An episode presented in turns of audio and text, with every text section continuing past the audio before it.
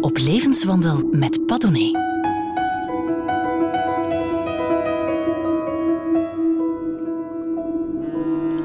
We mogen hem geen stararchitect noemen, want sterren in de architectuur vinden zichzelf vaak belangrijker dan de gebouwen en vooral waar ze moeten voor dienen.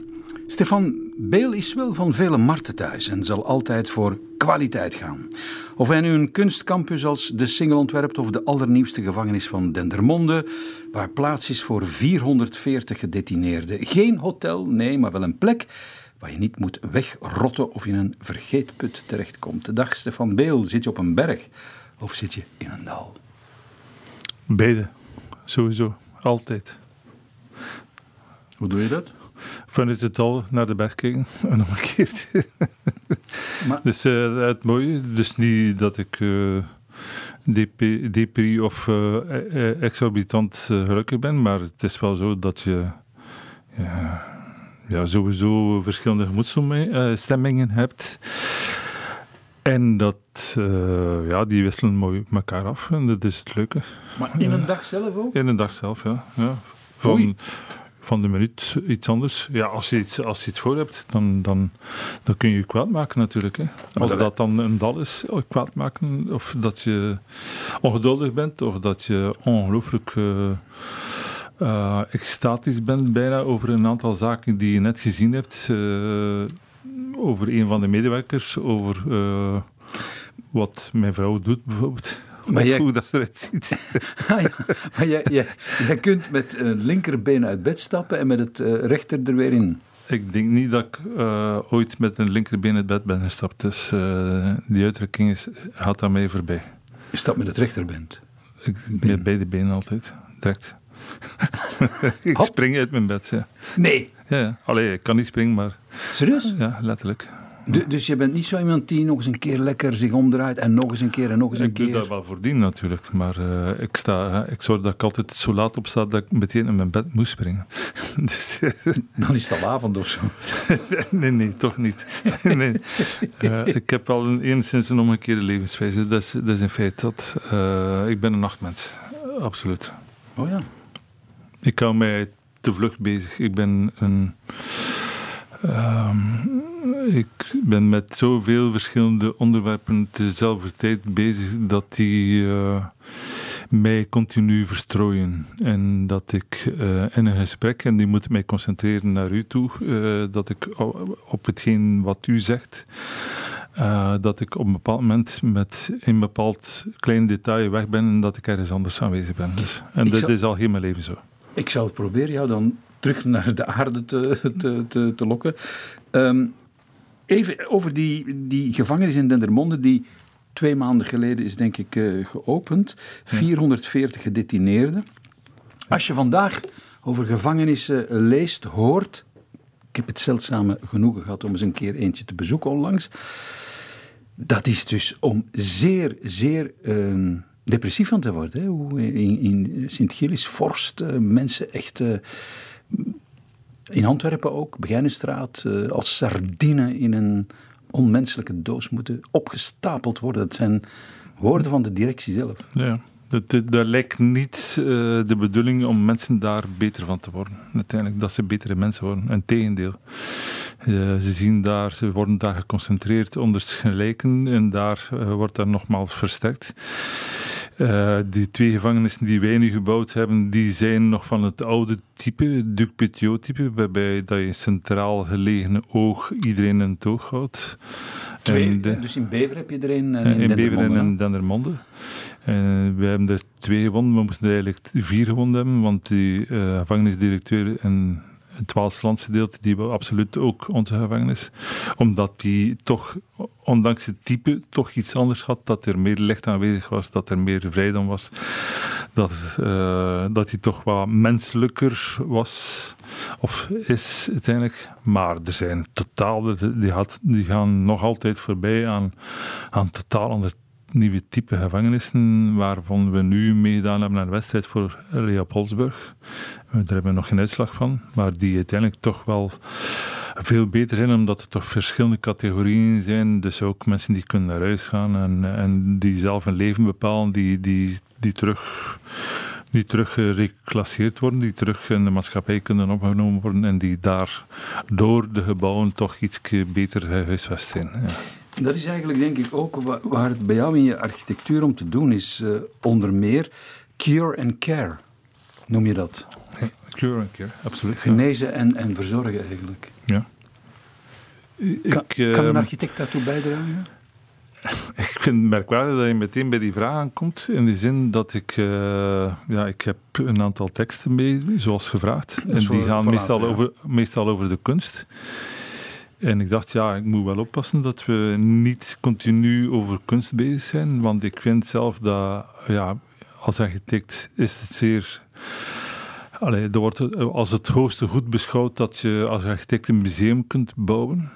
En dat je daar uh, voor de kunst een plek kunt maken. Of, uh, of zelfs een, een concertgebouw of, uh, of een campus, een kunstcampus. Dat is fantastisch. Maar wat er, wat, waar architecten aan voorbij gaan, is dus gebouwen ontwerpen. Zorgen dat ze goed zijn voor bijvoorbeeld psychiatrische instellingen voor bijvoorbeeld uh, mogen ook eh, sociale woningen zijn. Ik vind dat absoluut, als architect, dat dat onze opdracht is mhm. uiteindelijk. En ik vind dat we daartoe bijdragen. En als we dan ons werk zouden, of we worden zo bejegend of worden zo ingeschat dat we ons werk goed doen, dan moet, uh, moet ervan gebruik gemaakt worden. Dat wij zo'n opdrachten krijgen en dat, dat, dat, dat we daar ons op concentreren. En we zijn er nu met twee uh, bezig. HIC-instelling, High Intensive Care, voor mensen die ten einde raad zijn, die die acuut uh, moeten opgenomen worden.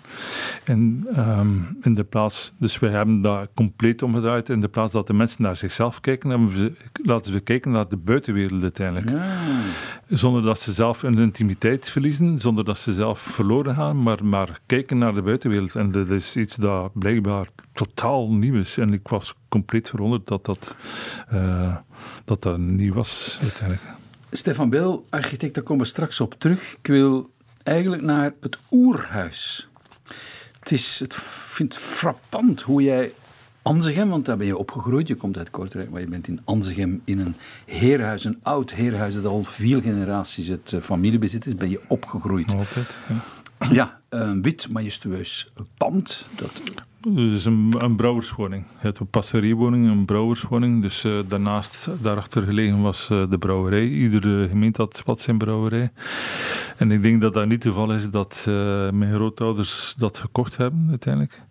Omdat mijn grootmoeder van een brouwersfamilie was. Dus van de hinste, om meer bier, om meer winsten. dus rollen hem. En uh, ja, het, het, ik denk dat ik daar veel uit geleerd heb uit het huis. Uiteindelijk. Het, het huis is zo eenvoudig van plan, van organisatie, dat het zoveel levens heeft uh, kunnen ontvangen. En eh, met zo weinig veranderingen uiteindelijk. Dus de structuur van het huis is nog, uh, is nog intact. Maar je grootouders hebben daar gewoond met hun kinderen, zeven geloof ik in totaal. Dus Dan jouw een, ouders? Een notariaat ja, uh, erbij, dus die, die, er alles bij zat. Dus het was niet alleen een huis, het was ook een, een werkplaats uiteindelijk. Dan jouw ouders en hun vier kinderen? Met een jij... inwonende grootmoeder. En een inwonende grootmoeder? Dus uh, een, een co-housing aan van la letter, letterlijk. Dus.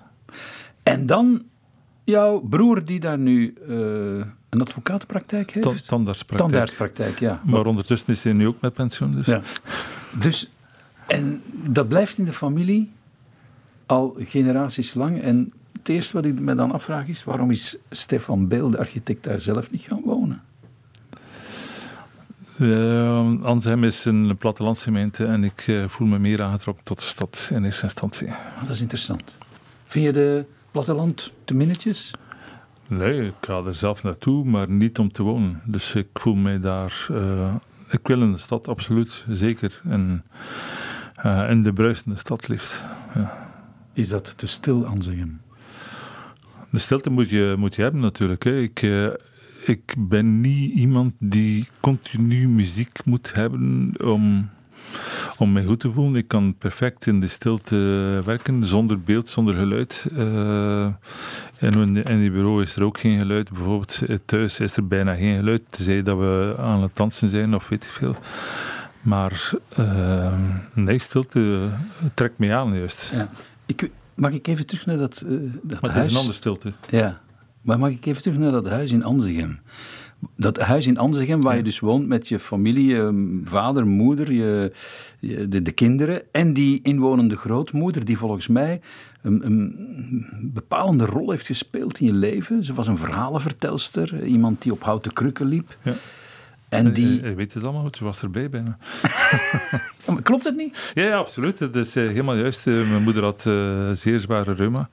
En dus ze moest daarbij helpen met, met stokken en moest, haar helpen. Dus ze is de eerste vrouw bij wie ik geslapen heb als, als 12-jarige. Omdat hij uit bed moest geholpen worden.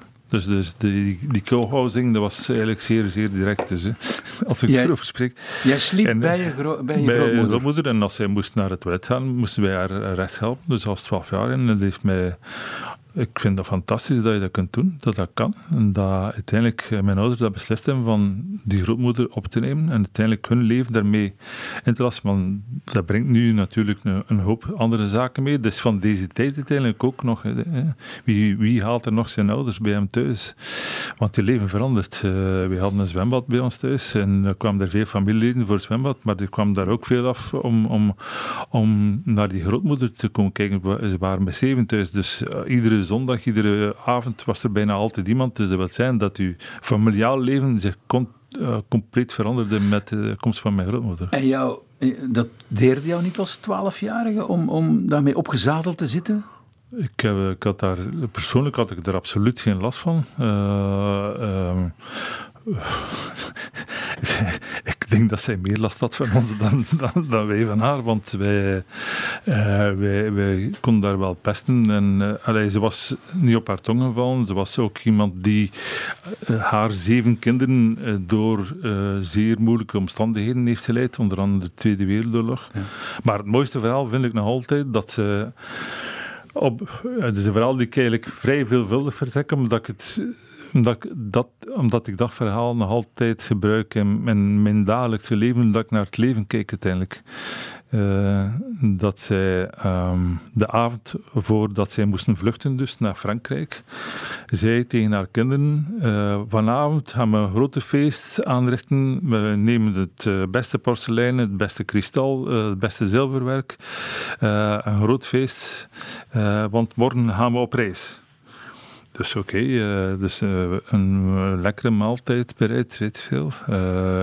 Alles erop en eraan, hoofd, recht, voorrecht, nagerecht. en normaal wordt het dan meteen afgewassen. Nee, zei ze, we moeten nu meteen naar bed, want morgen moeten we vroeg opstaan. We gaan vroeg weg en, en we moeten niet afwassen. En dus ja, nou, korter dan gedacht. Na drie dagen zijn ze terug. Uh, er was een bom ingeslaan, maar allee, het was niet zoveel schade. Maar wat vonden ze als ze terugkwamen? De dis waar de maaltijd aan, aan werd aan gegeten, uh, lag onaangeroerd. Nu, dat was een truc uiteindelijk. Dus dat al die messen en al dat uh, eetgerei allemaal vuil waren en dat dat onaangeroerd was moest dat in de kast gestaan hebben, was dat allemaal weg geweest. En gewoon door het vuil te maken. En, door het, en wat heeft ze dan gedaan? Uiteindelijk, ze heeft ervoor gezorgd dat die kinderen gerustgesteld op de vlucht gingen. Uiteindelijk, niet, dus op prijs. Dus uh, dat aanbieden. En tezelfde tijd ook uh, dus van het negatieve het omgekeerde maken, dus uh, het positieve.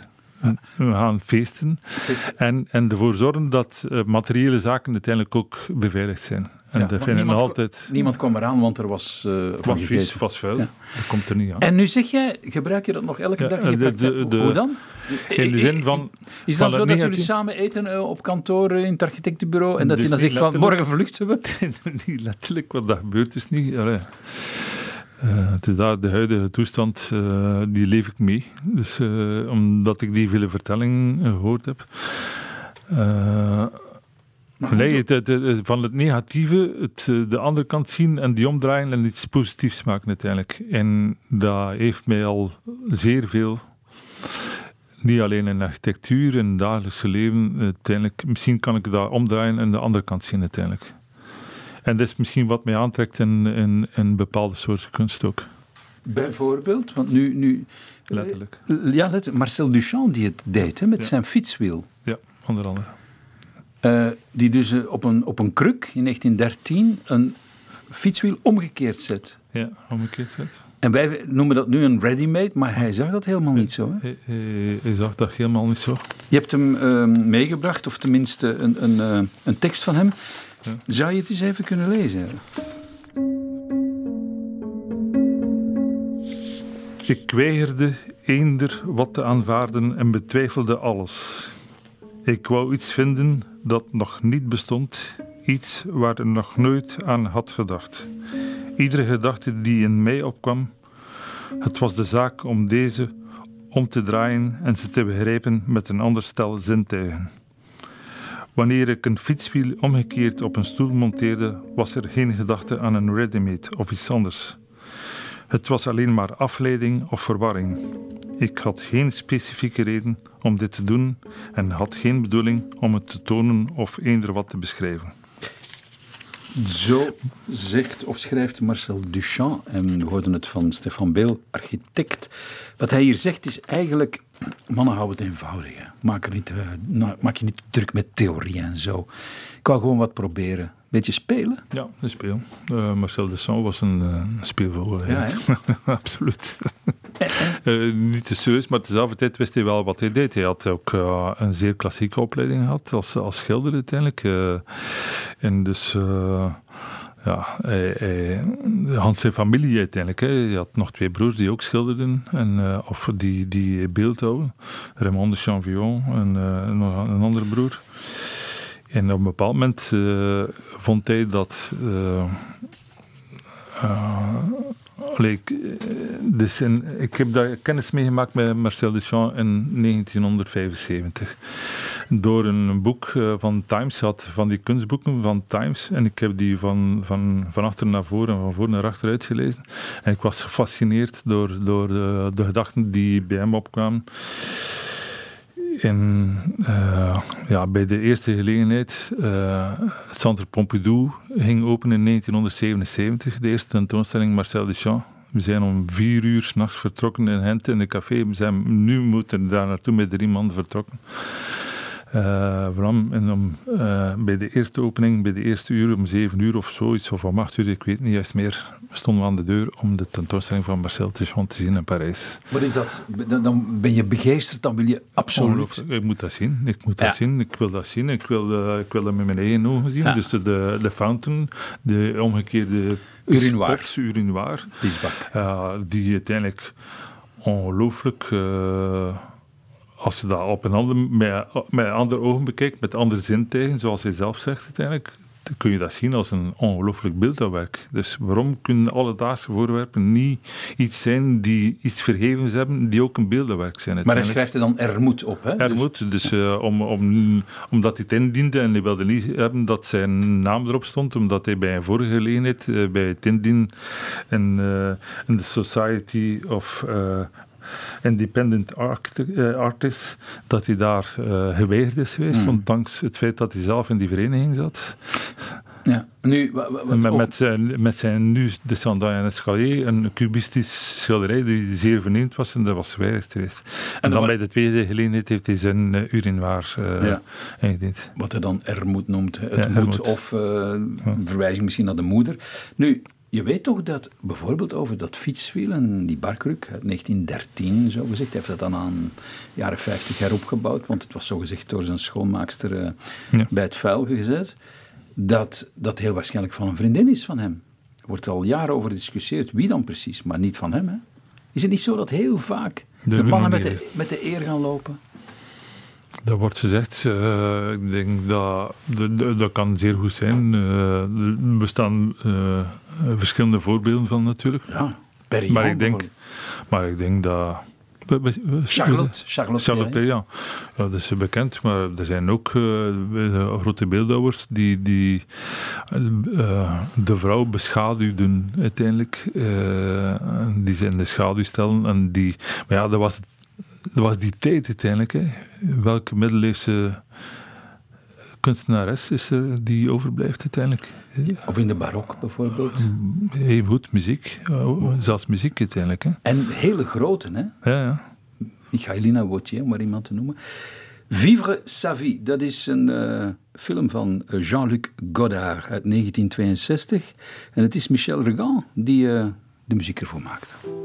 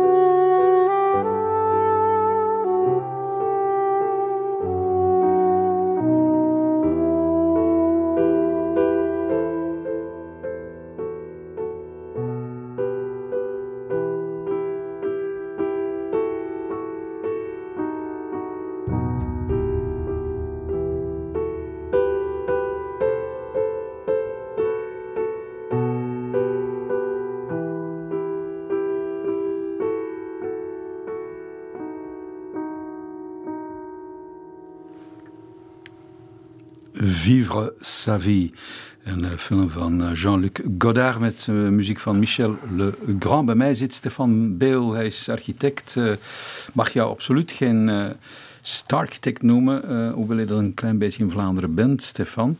Want je hebt eigenlijk een broertje dood aan spektakelarchitectuur. Als je jouw architectuur simpelweg moet samenvatten, wat niet kan, dan zou ik het nieuwe eenvoud durven noemen.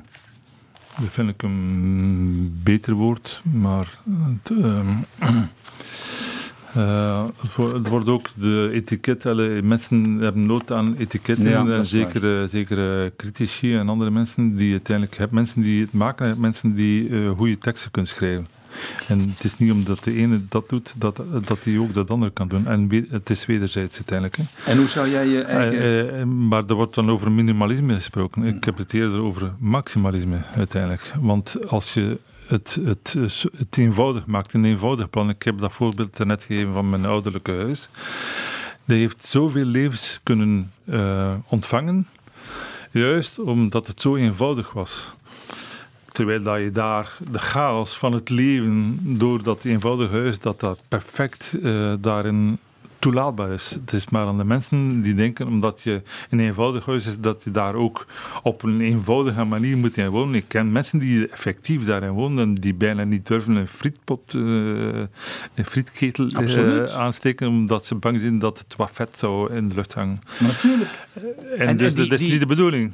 Het is de bedoeling om dat juist eerst chaos, eerst, eerst orde en dan kan de chaos komen. Maar als je als architect eerst chaos creëert, en dat is in de stedenbouw zo, dat is in alles zo, dan, dan kun je de orde niet meer ontvangen. Dus. Maar jij zegt, of je nu een lingeriewinkel ontwerpt, een bank of, uh, of een gevangenis, uiteindelijk gaat het altijd om de mensen die er moeten wonen. Onder andere. Dus, uh, wonen. Ik ben, ben, blij dat je zegt wonen ook, want uiteindelijk, uh, als je aan het werk bent, woon je ook ja, in dat Toch, huis. ja? absoluut. Ja. ja. Je, je moet eens bijvoorbeeld proberen je voor te stellen, ja, als architect, hè, hoe het is om hier op de VRT één dag te wonen. Ja. He, dus in dit, je zit hier nu in deze studio. Ja. Het zou me benieuwen om te vinden wat je daarvan denkt eigenlijk. Oké, okay, er komen hoopvolle nieuwe tijden, want er wordt een nieuw gebouw. Maar hier werken, in dit gebouw dat het midden houdt tussen een uh, voormalige Oost-Europese kernreactor en een gesloten gevangenis voor zware criminelen, hm. dat is niet eenvoudig hoor. Ja.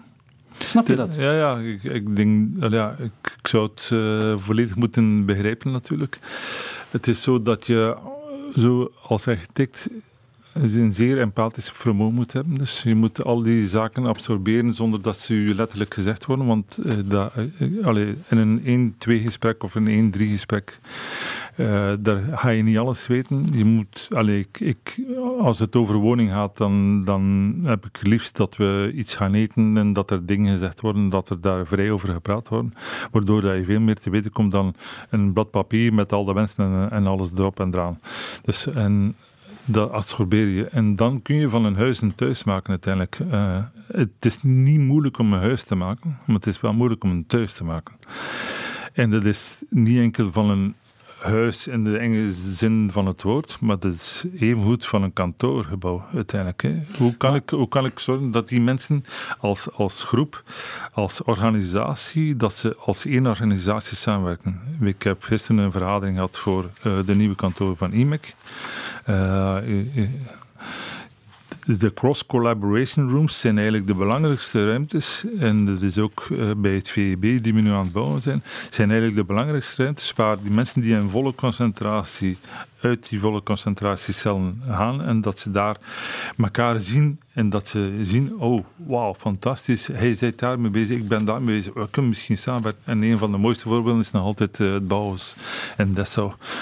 Uh, omdat je daar al die verschillende uh, kunsten had die door elkaar liepen en dat en elkaar beïnvloeden en, en elkaar, absoluut, ja, en elkaar inspireren. Maar- dat maar- is de bedoeling. Laten, laten we even een landmark van jou onder de loep nemen. Iedereen kent de Singel in Antwerpen. Ehm, Leon Stijnen bouwde op de Wezenberg. Eh, was toen een maagdelijke, heuvelachtige groene omgeving. eh, een campus, Ja, eh, de. Singel. Ehm, die man die moet naar verluid zeer... Het is niet alleen naar verluid, het is eh, ook gedocumenteerd. Zeer ongelukkig zijn geweest toen daar de ring naast ja, kwam. ja, ja, Nu, dat is zeer zeker.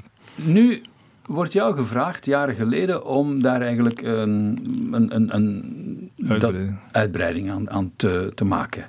Hm. Ehm, het eerste wat je dan toch denkt als architect, eerlijk, kijk in mijn ogen. Ik ga hier, dat is een landmark, ik ga hier, Het is radio, hè? ik ga hier een beeldje neerplaatsen.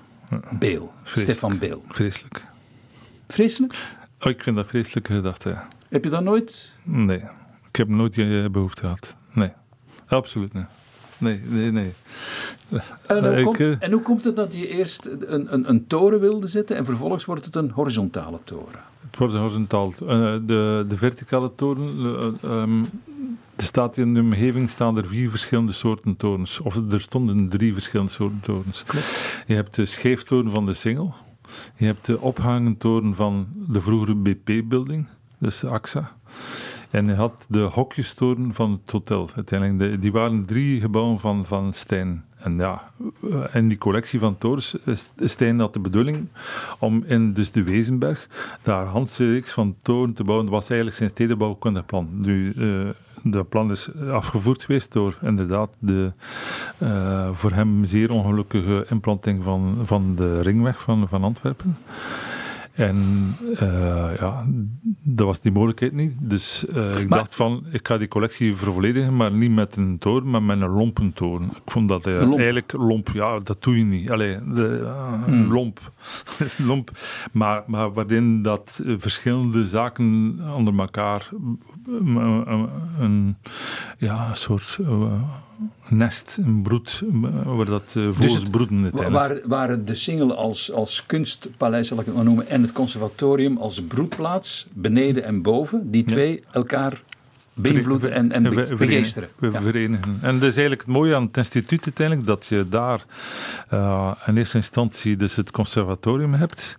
En dat ze daar uh, dan uh, in de tweede fase, dat die twee gigantische zalen, allez, toch voor een... Ja, ja de grote zaal voor duizend man ongeveer. Dus één in 980 en de andere 850. Uh, een rode en de blauwe zaal, theaterzaal, muziekzaal. Dat die daar uh, gebouwd worden als repetitie, repetitiezaal voor het conservatorium. Maar in wie moet daar voor een groot orkest daar zoveel repeteren en zo'n grote zaal nodig hebben? Of een examen werd uitgelegd als examenklas en repetitieklas.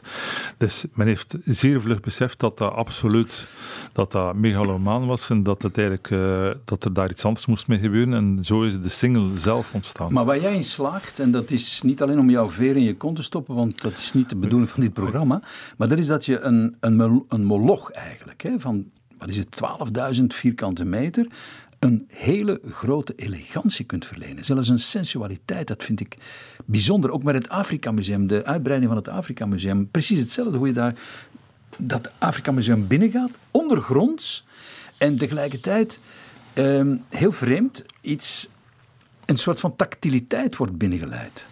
Ik vind, die, ik vind dat mooie woorden die, eh, die, ik vind dat mooie woorden die je uitspreekt. Uh, sensualiteit is, is voor mij vrij belangrijk uiteindelijk. Straks hebben we nog een andere tekst en dat is voor mij, allee, daar spreekt hij het ook over, over sensualiteit. Ik vind dat gebouwen een bepaalde sensualiteit moeten hebben, een bepaalde tactiliteit moeten hebben uiteindelijk. En ik vind dat bij veel van de gebouwen die nu gebouwd worden, absoluut dat er geen donder aan is. Noem, noem. Ja, nee, ik ga dat niet noemen. Ik uh, ben een positieve man. Ik ga geen negatieve dingen benoemen, daar, daar hebben we er genoeg van. dat is mijn dat is mijn betrachting uiteindelijk. Hè. Dat is voor mij de essentie van mijn werk uiteindelijk. Uh, dus het, het, het aanvoelen hoe, hoe een bepaald gezin in elkaar steekt, hoe een bepaalde organisatie in elkaar steekt, hoe een bepaalde maatschappij aanvoelt, hoe dat in elkaar steekt, hoe je daar kunt een antwoord op geven, uh, hoe dat je er kunt bijdragen. Nu, dat klinkt allemaal uh, een soort positivisme, ja. maar, maar ja, ik ben positief ingesteld, ja. ja, echt? Ja. Moet, je, moet, echt, ja. moet gaan geloven. Ja. Is het dan nooit eens een moment dat je zegt van shit, man. Neem nu bijvoorbeeld de hele. Um, trouwens, er zijn hier uh, architecten voor jou gepasseerd die steen en been kloegen over hoe moeilijk het is, hoe slepende procedures dat kost om bijvoorbeeld in de kunstensector wat te realiseren. Ja, ik kan mij dat inbeelden dat het in de kunstsector nog uh, een stuk moeilijker is. Dat je nog. Uh, ja. Ja, maar ja, het is, als architect, het is, hè? Als architect sowieso. nu, um, ik heb ik ga nu minder cruisen dan, dan als ik met één persoon aan het praten ben, maar 80% van ons werk is, is flauwekul. Dus, Allee, mensen denken, ja, architect, dat zijn toch... Uh, die hebben dat fantastisch, die tekenen, weet je ja, hè, maar 80% van ons werk, ja, wat een leven. Ja. die, die, die mogen, allee, mogen tekeningsjes maken ja. en die mogen dat bouwen en dat blijft staan en eh, die hebben niets waar ze kunnen naar terugkijken. Die zijn creatief bezig. En die kunnen met hun kleinkinderen langs ja, ja, uh, dat, verwezenlijking uh, rijden. Dat, dat, dat, moet toch het meest fantastische leven zijn. Ja. Ja? ja, maar het is natuurlijk wel leuk dat je je kinderen een keer langs rijdt of weet veel. Dus, maar waar, of, of, dat, of dat er iemand zegt van allee, ik vind het eigenlijk een mooi gebouw. Ja? Of ik vind, allee, mooi, tussen aanhalingstekens. Ja. We, we gaan over de definitie mooi aan nog hebben uiteindelijk. Uh, en, en, en je zegt 80% is flauwekul? Ja, je zit met... met uh, met, met, regelgeving die uiteindelijk er niet toe doet. Uh, ambtenarij, sorry voor de ambtenaren, die moeten ook een werk doen. Er zijn er goede bij, want uiteindelijk uh, in de opleiding zijn er mensen die, die allemaal de ontwerpers zijn. Er moeten mensen zijn die het moeten beoordelen ook. En die iemand die ontwerpt kan het even goed beoordelen. Dus dat zijn twee verschillende eigenlijk twee verschillende zaken die, die absoluut niet noodzakelijk in één persoon passen. Dus, hè. Het beoordelen en het maken. Dus wij moeten absoluut die mensen hebben. Dus uh, verlichte bouwheren, verlichte ambtenaren en weet veel. Maar, soms zit je in die kringmolen en dan heb je nog uh, mensen die uiteindelijk ook uit een rancune, uit onwetendheid en weet veel, die een aantal zaken tegenhouden en zo meer. zit maar je blijft positief, hè, en, en, en, en, zit met, met, met aannemers die, die, die proberen er uh, een slag in te slaan. En, Stefan, uh, ja. je blijft wel positief. Ja, maar ik wil alleen maar uh, aanduiden dat het soms moeilijk is om positief te blijven maar ik, ik, ik, ik, ja, ondanks al die zaken, ik doe het fantastisch nog altijd graag. En ik, uh, ik ga graag naar het bureau en ik zit met die jonge mensen en met minder jonge mensen samen. En wij maken iets die er niet bestaat. En, dat is toch prachtig? Er is, je, je vertrekt van, van nul, van scratch. Ja, ja, Blanco. Ja, blanco. Absoluut. Van een leegte. Ja, maar dat is ook angst aan ja natuurlijk. Hè. Het kan even goed angst aan ja zijn. Oei, ik kan het niet meer. Oei. Uh, Overvalt je dat soms? Hm? Overvalt je dat soms, dat je zegt van, oh shit? Uh, maar uh, er zijn... Ondertussen hebben we bepaalde trucs geleerd, hè. Om te, om te overleven. Om, om, om, om eruit te komen, natuurlijk. Hè. Om, om, om, om weer aan de slag te gaan met, met iets. Dat moet niet nieuw zijn. Hè. Je kunt, uh, maar, maar je hoeft erom niet naar een andere architectuur te kijken. Je kunt ook naar, naar het leven kijken en daar ongelooflijk veel uit halen, uiteindelijk. Lucia, Lucia di Lammermoor. Ja. Dat is een, uh, kennen we natuurlijk. Uh, aria van uh, Gaetano Donizetti. Het hoogtepunt uit... ja, de waanzinscène wordt ze ook wel genoemd. Ja. Um, waarom, waarom fascineert hij jou zo? Maar het is, allee, voor mij zijn, er is, als je iets voorstelt of iets doet, er is nooit één reden er is een veelheid aan redenen waarom dat je iets doet, anders doe je het niet. Als er maar één reden is, dan doe je dat niet. Dus er zijn verschillende redenen om die, uh, dat stuk te kiezen, om hier te presenteren uiteindelijk. Dat heeft te maken met, voor mij, met, vriendschap uiteindelijk. Je kunt zeggen, ja, het is wel muziek. Nee, het, voor mij is het ook, ja, het is muziek, evident, fantastisch mooie muziek. Ongelooflijk gezongen. En dus verleden jaar uh, zei een vriendin, uh, Isabel Santens, die, die, die zei, ik, allee, een ongelooflijke opera, uh, niet diva, maar adept, die, die als ze kans krijgt naar, naar, naar Bayreuth gaat om de beste opera's te zien, dus die veel reist. En die zei, er is een stuk van Marina Abramovic, The Seven Deaths of Maria Callas, die opgevoerd wordt in Napels. Gaan jullie, hebben jullie zin om mee te gaan? Uh, we keken naar elkaar, Olivia en ik. Jouw vrouw? Uh, ja, vrouw. Mijn vrouw, ja. Sorry, mijn vrouw, natuurlijk. Het is voorlopig altijd die van jou, niet de mijne. Nee, nee, nee. nee. um, en je bent daar naartoe En wij, zijn, wij hebben dat gecombineerd, uh, ook dat is weer de combinatie, we hebben dat gecombineerd met uh, een verblijf in, in, uh, op, op de Eiland, daar in de buurt, mm -hmm. in, in, in Capri. En dan zijn we naar die opera geweest. Dus uh, de opera, dus eigenlijk de performance uh, van, van Marina Abramovic, die we ook al in de single gezien hadden met een ander stuk. Uh, ook met, met dezelfde acteur en zo. Mm -hmm. Fantastisch. En dat werd gezongen, dus dat stuk hier van uh, van Donizetti werd gezongen door Jessica Pratt. Dus, uh, die heeft een ongelooflijke stem, heeft een ongelooflijke presence ook op, mm op het stuk. Nu, dat zijn de Seven Deaths die worden getoond of ja, uitgebeeld en gezongen en, en al de theatraliteit bij, ook zeer, zeker door, door Marina Abramovic. Dat was fantastisch. En, uh, en ik spreek om, ja, wie nodig je uit uiteindelijk en wie vraag je mee? Ik vind dat ongelooflijk van uh, met verschillende mensen iets te ontdekken die je niet kent. Ik ben geen, geen opera-adept mm -hmm. en ik vind het dan leuk van iets te leren kennen. Of iets, het is niet dat ik nooit naar opera geweest ben, uiteindelijk. Maar, uh... We gaan luisteren naar de versie uit 1952 die ze live zingt in Rome. Maria Callas, Gaetano Donizetti, Lucia di Lammermoor.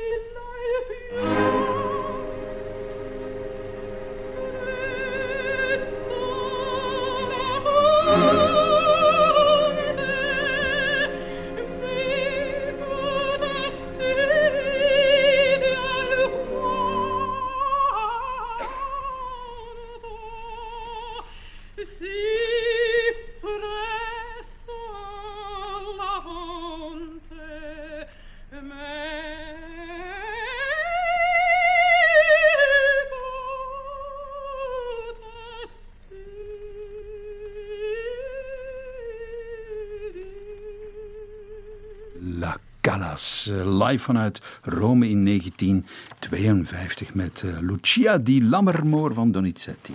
Berg en Dal met Padone.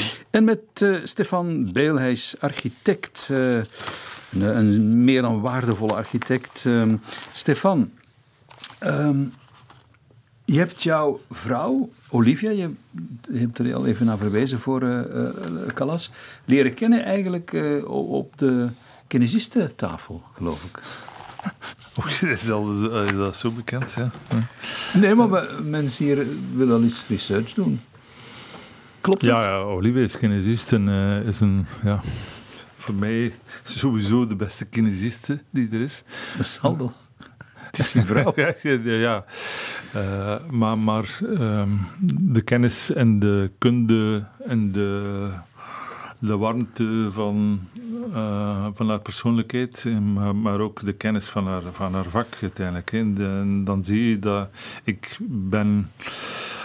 Ja, iedereen weet dat. Eh, ik, heb, ik, heb een, ik heb MS. En ja, soms denk je dat bepaalde zaken met MS gerelateerd zijn. Ik had ongelooflijk veel pijn en ik ging eronder door. En ik woog nog 56 kilo en ik nam de zwaarste pijnstillers. En in plaats van vier per dag nam ik er acht per dag of tien per dag. De een na de ander dus. Eh, ik krioelde van de pijn en ik dacht dat die pijn gerelateerd was aan mijn ziekte. En, eh, tot ik eh, op een bepaald moment werd opgebeld. Eerst niet de telefoon beantwoorden, dat die man dan aandrong van ja, bel nog één keer en weet veel. Dus uh, hebben we een half uur aan de telefoon hangen met... en dan werd ik uitgenodigd van, ja, ik moet iets bouwen, ik wil iets bouwen. En dan had ik gezegd van, ja, het is te mooi om te bouwen. Ja, dan zijn we er vanaf, het is goed. Eh, Ondertussen had ik wel kennis gemaakt met, eh, met die twee personen, met die man en die vrouw. Ze waren getrouwd, ik was getrouwd. Ja, dan gebeurt het onvermijdelijke natuurlijk. Je werd verliefd. Ja, allebei. Meteen. Ja, ja is On the waar. spot, ja. Dat is ongelooflijk. Ja.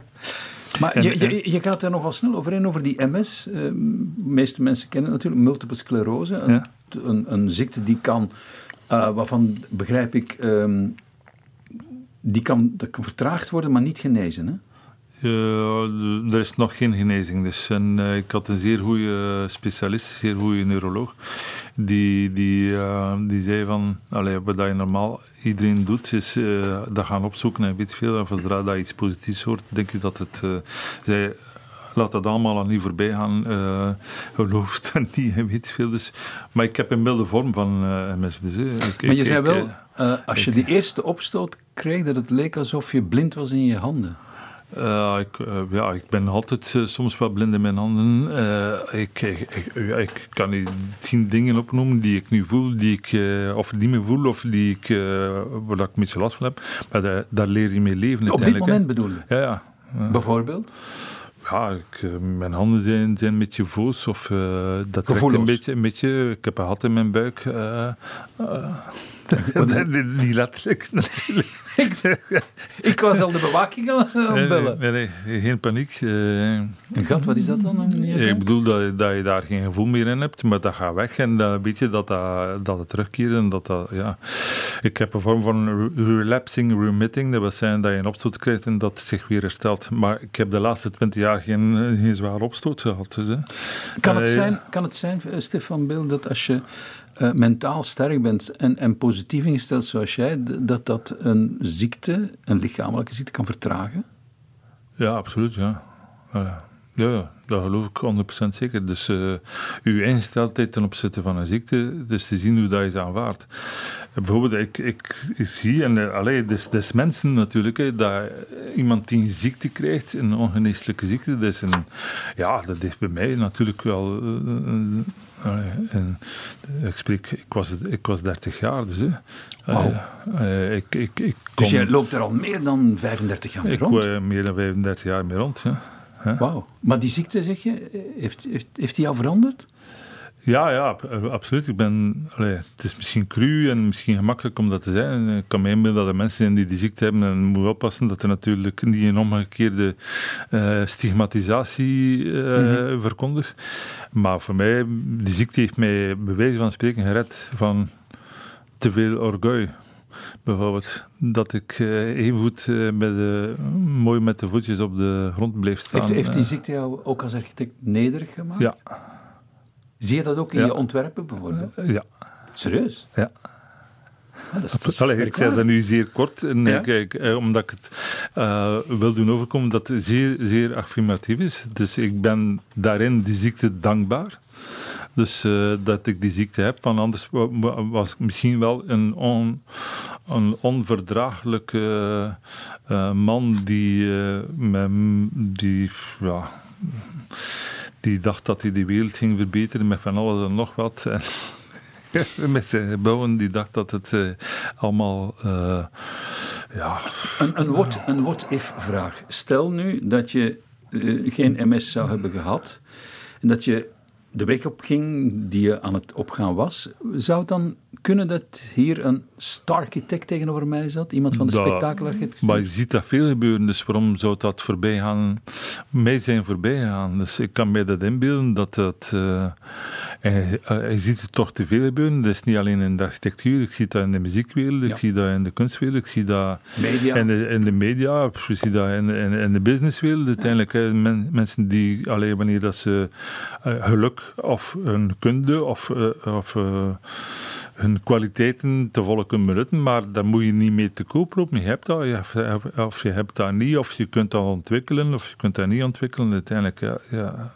Maar is blijft, vreemd, blijft, blijft gewoon, hè. Het is vreemd dat je... Blijft gewoon. Maar- En, dat is, Ja, maar je- en ik ben je- daarmee gelukkig, absoluut. Hè. Ja, maar je, je kunt... Dat is de paradox. Je kunt gewoon blijven, net omdat je ertoe gedwongen werd misschien. Omdat je die ziekte hebt opgelopen. En daarom ben ik dankbaar, eh, want eh, moest het niet zo dwingend geweest zijn, eh, dan zou het moeilijker geweest zijn waarschijnlijk.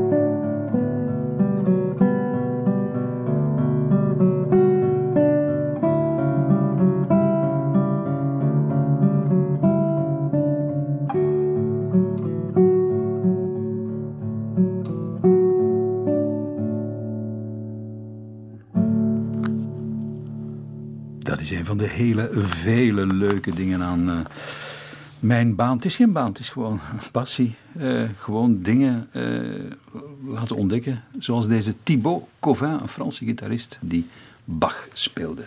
Bij mij zit nog heel even Stefan Beel, architect. Stefan, wat is jouw credo? Ik, heb ik denk niet dat ik geen credo heb uiteindelijk. Uh, ik heb er verschillende. Ja. Uh, Pik er uit. Belangrijkste.